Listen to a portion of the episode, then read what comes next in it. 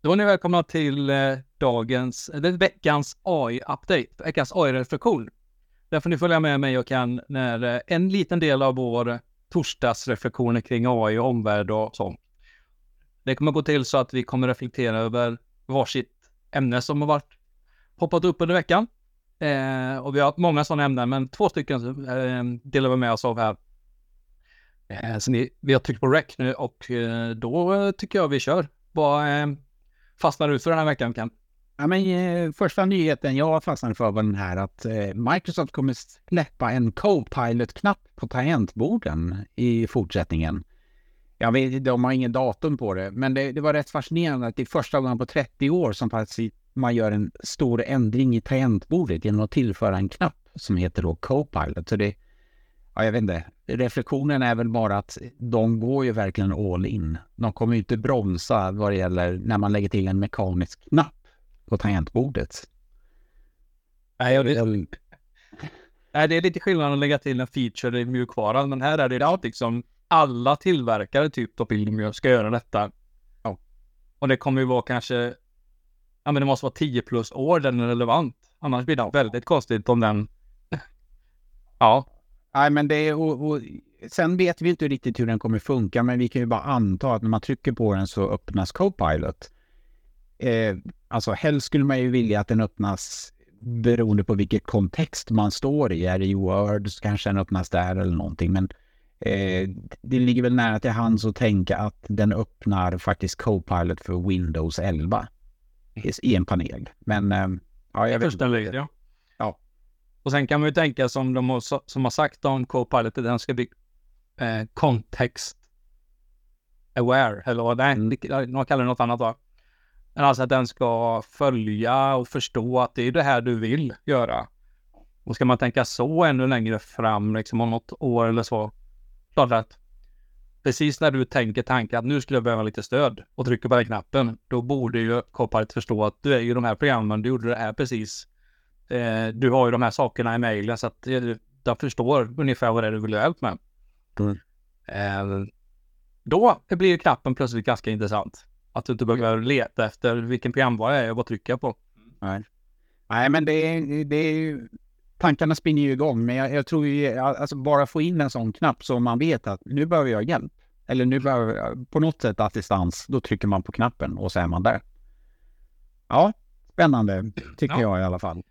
Du hade någon reflektion eller? Ja, men jag såg att de Microsoft släppte här en eh, en, en eh, testversion av något som heter Project Sofia som var en eh, AI Powered Business AI Research, Research Canvas. Eh, alltså en helt ny applikation som eh, egentligen är en Canvas-applikation. Poängen är att du ska kunna ta affärsbeslut. Så du har, det förutsätter att om du har en Excel-fil med data om eh, skoförsäljning eh, per kontor i Sverige eller vad det nu är. Eh, bara laddar upp den och då, givet den då så egentligen utifrån då, då, då utifrån en AI-funktionalitet så tolkar den all den datan och skapar en canvas till dig för just detta, vad den tror att du vill försöka ta reda på. Så du får ett antal olika boxar med försäljning per vad det nu är, säljare per eh, så. Och då får du första canvas och sen kan du bara klicka då på och säga att jag skulle vilja veta eh, mer om eh, Per-kontor istället. Då skapar den en ny canvas under den så att man ser liksom en, ett steg två så du bara ner i din data.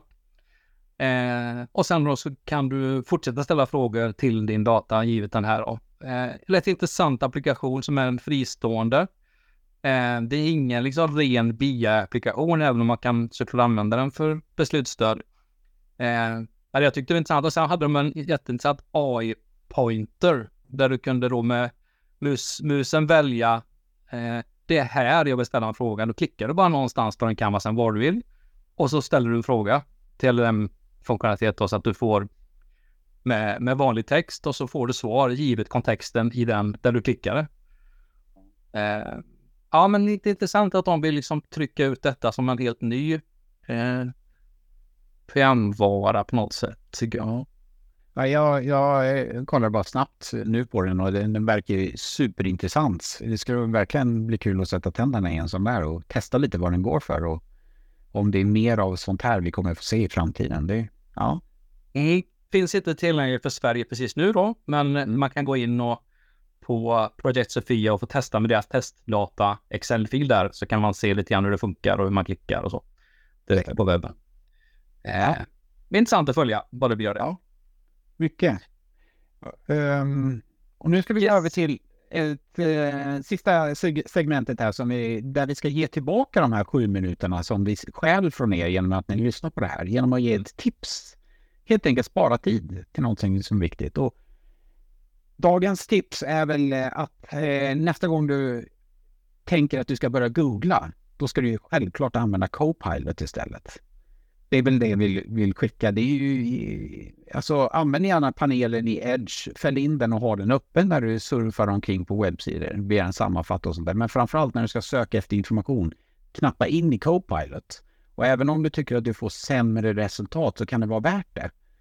Bara för att du lär dig hur du ska eh, prata med AI på ett bättre sätt.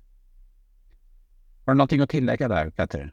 Eller? Nej, men jag tror det. Alltså, jag tror det är viktigt att även om man tycker att det är lite hit and miss idag så är det dels att man själv inte är van.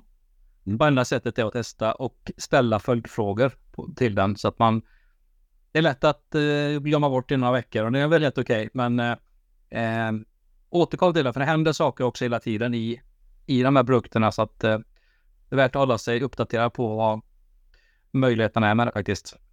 Ja. Ja, och därmed var ju veckans sju minuter klara helt enkelt.